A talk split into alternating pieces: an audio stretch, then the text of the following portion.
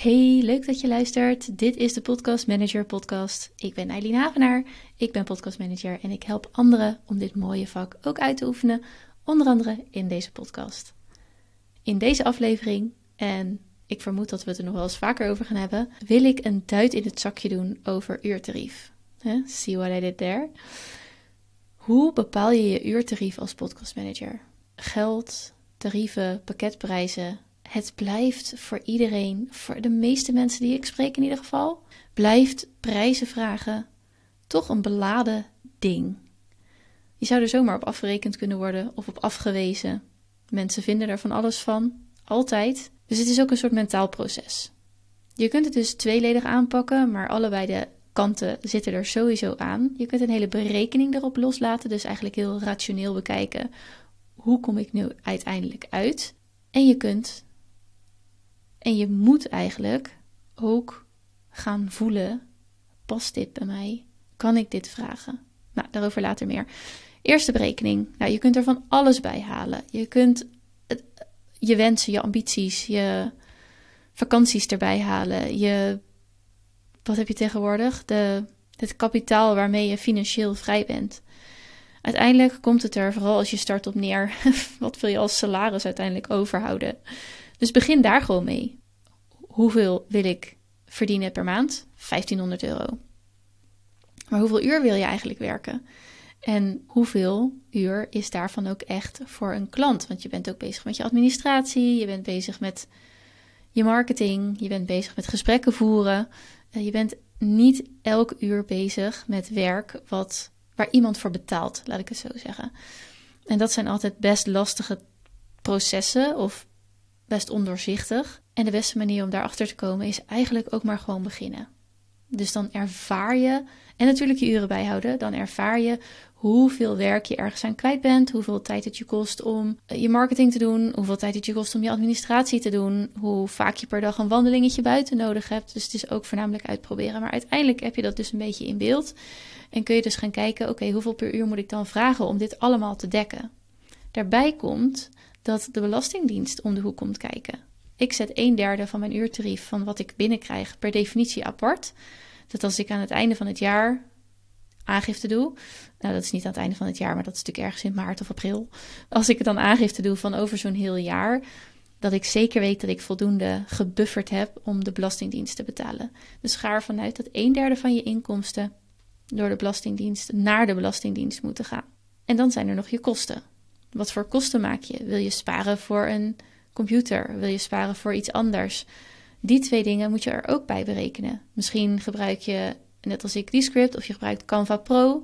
En dan daar zijn wel kosten mee gemoeid.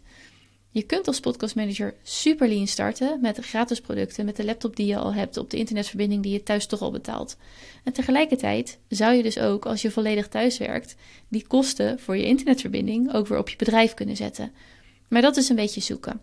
Als jij net begint, maak het jezelf dan vooral zo gemakkelijk mogelijk. Maar bedenk wel welke kosten je wel gaat maken. Misschien wil je Moneybird als accountprogramma, als administratieprogramma aanschaffen. Dat kost gewoon geld.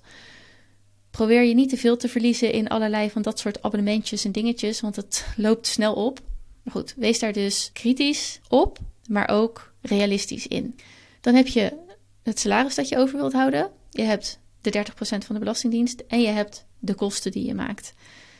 En als je dat bij elkaar optelt, dan heb je in principe het bedrag dat je per uur, per declarabel uur, het declarabel uur is een uur waar je geld voor kan vragen, wil verdienen, moet verdienen, kan verdienen. En hoe voelt dat dan? Stel dat is 57,50 euro. Hoe voelt dat voor jou? Zou je dat durven vragen? Of voelt dat juist te weinig? Er zit zo'n mentaal aspect aan een uurtarief of aan überhaupt een tarief, maar we hebben het nu even over het uurtarief. Op het moment dat je een voorstel doet aan een klant, is het wel fijn als je tijdens dat voorstel ook echt stevig in je schoenen staat, vraagt wat je wil vragen en dat het ook heel betrouwbaar overkomt. Stel jij stelt jezelf een uurtarief van um, ehm, 85 euro. Hoe voelt dat om dat te vragen? Kan je dat met droge ogen naar de klant overbrengen? Dat betekent niet dat ik niet vind dat je 85 euro niet verdient. Maar het gaat er ook om: kun je het dragen, deze prijs? kun je volmondig deze prijs neerleggen en dan ook losstaan van het feit, als de klant nu nee zegt, dan is het ook oké.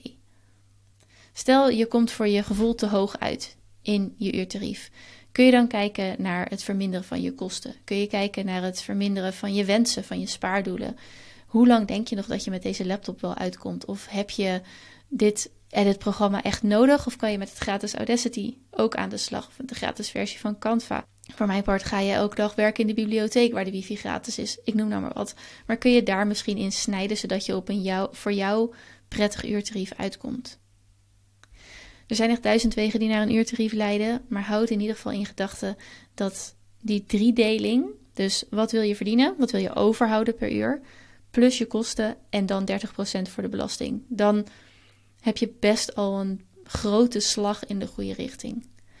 Uurtarieven, tarieven, pakkettarieven zijn ook onderwerpen die we heel, eigenlijk heel veel in elke ronde van de Podcast Management Academy bespreken. Het is, blijft zo'n heikel punt en het blijft ook wel heel interessant om daarover na te denken en om te kijken wat er voor jou mogelijk is, wat past, wat je wilt, wat, wat je lukt.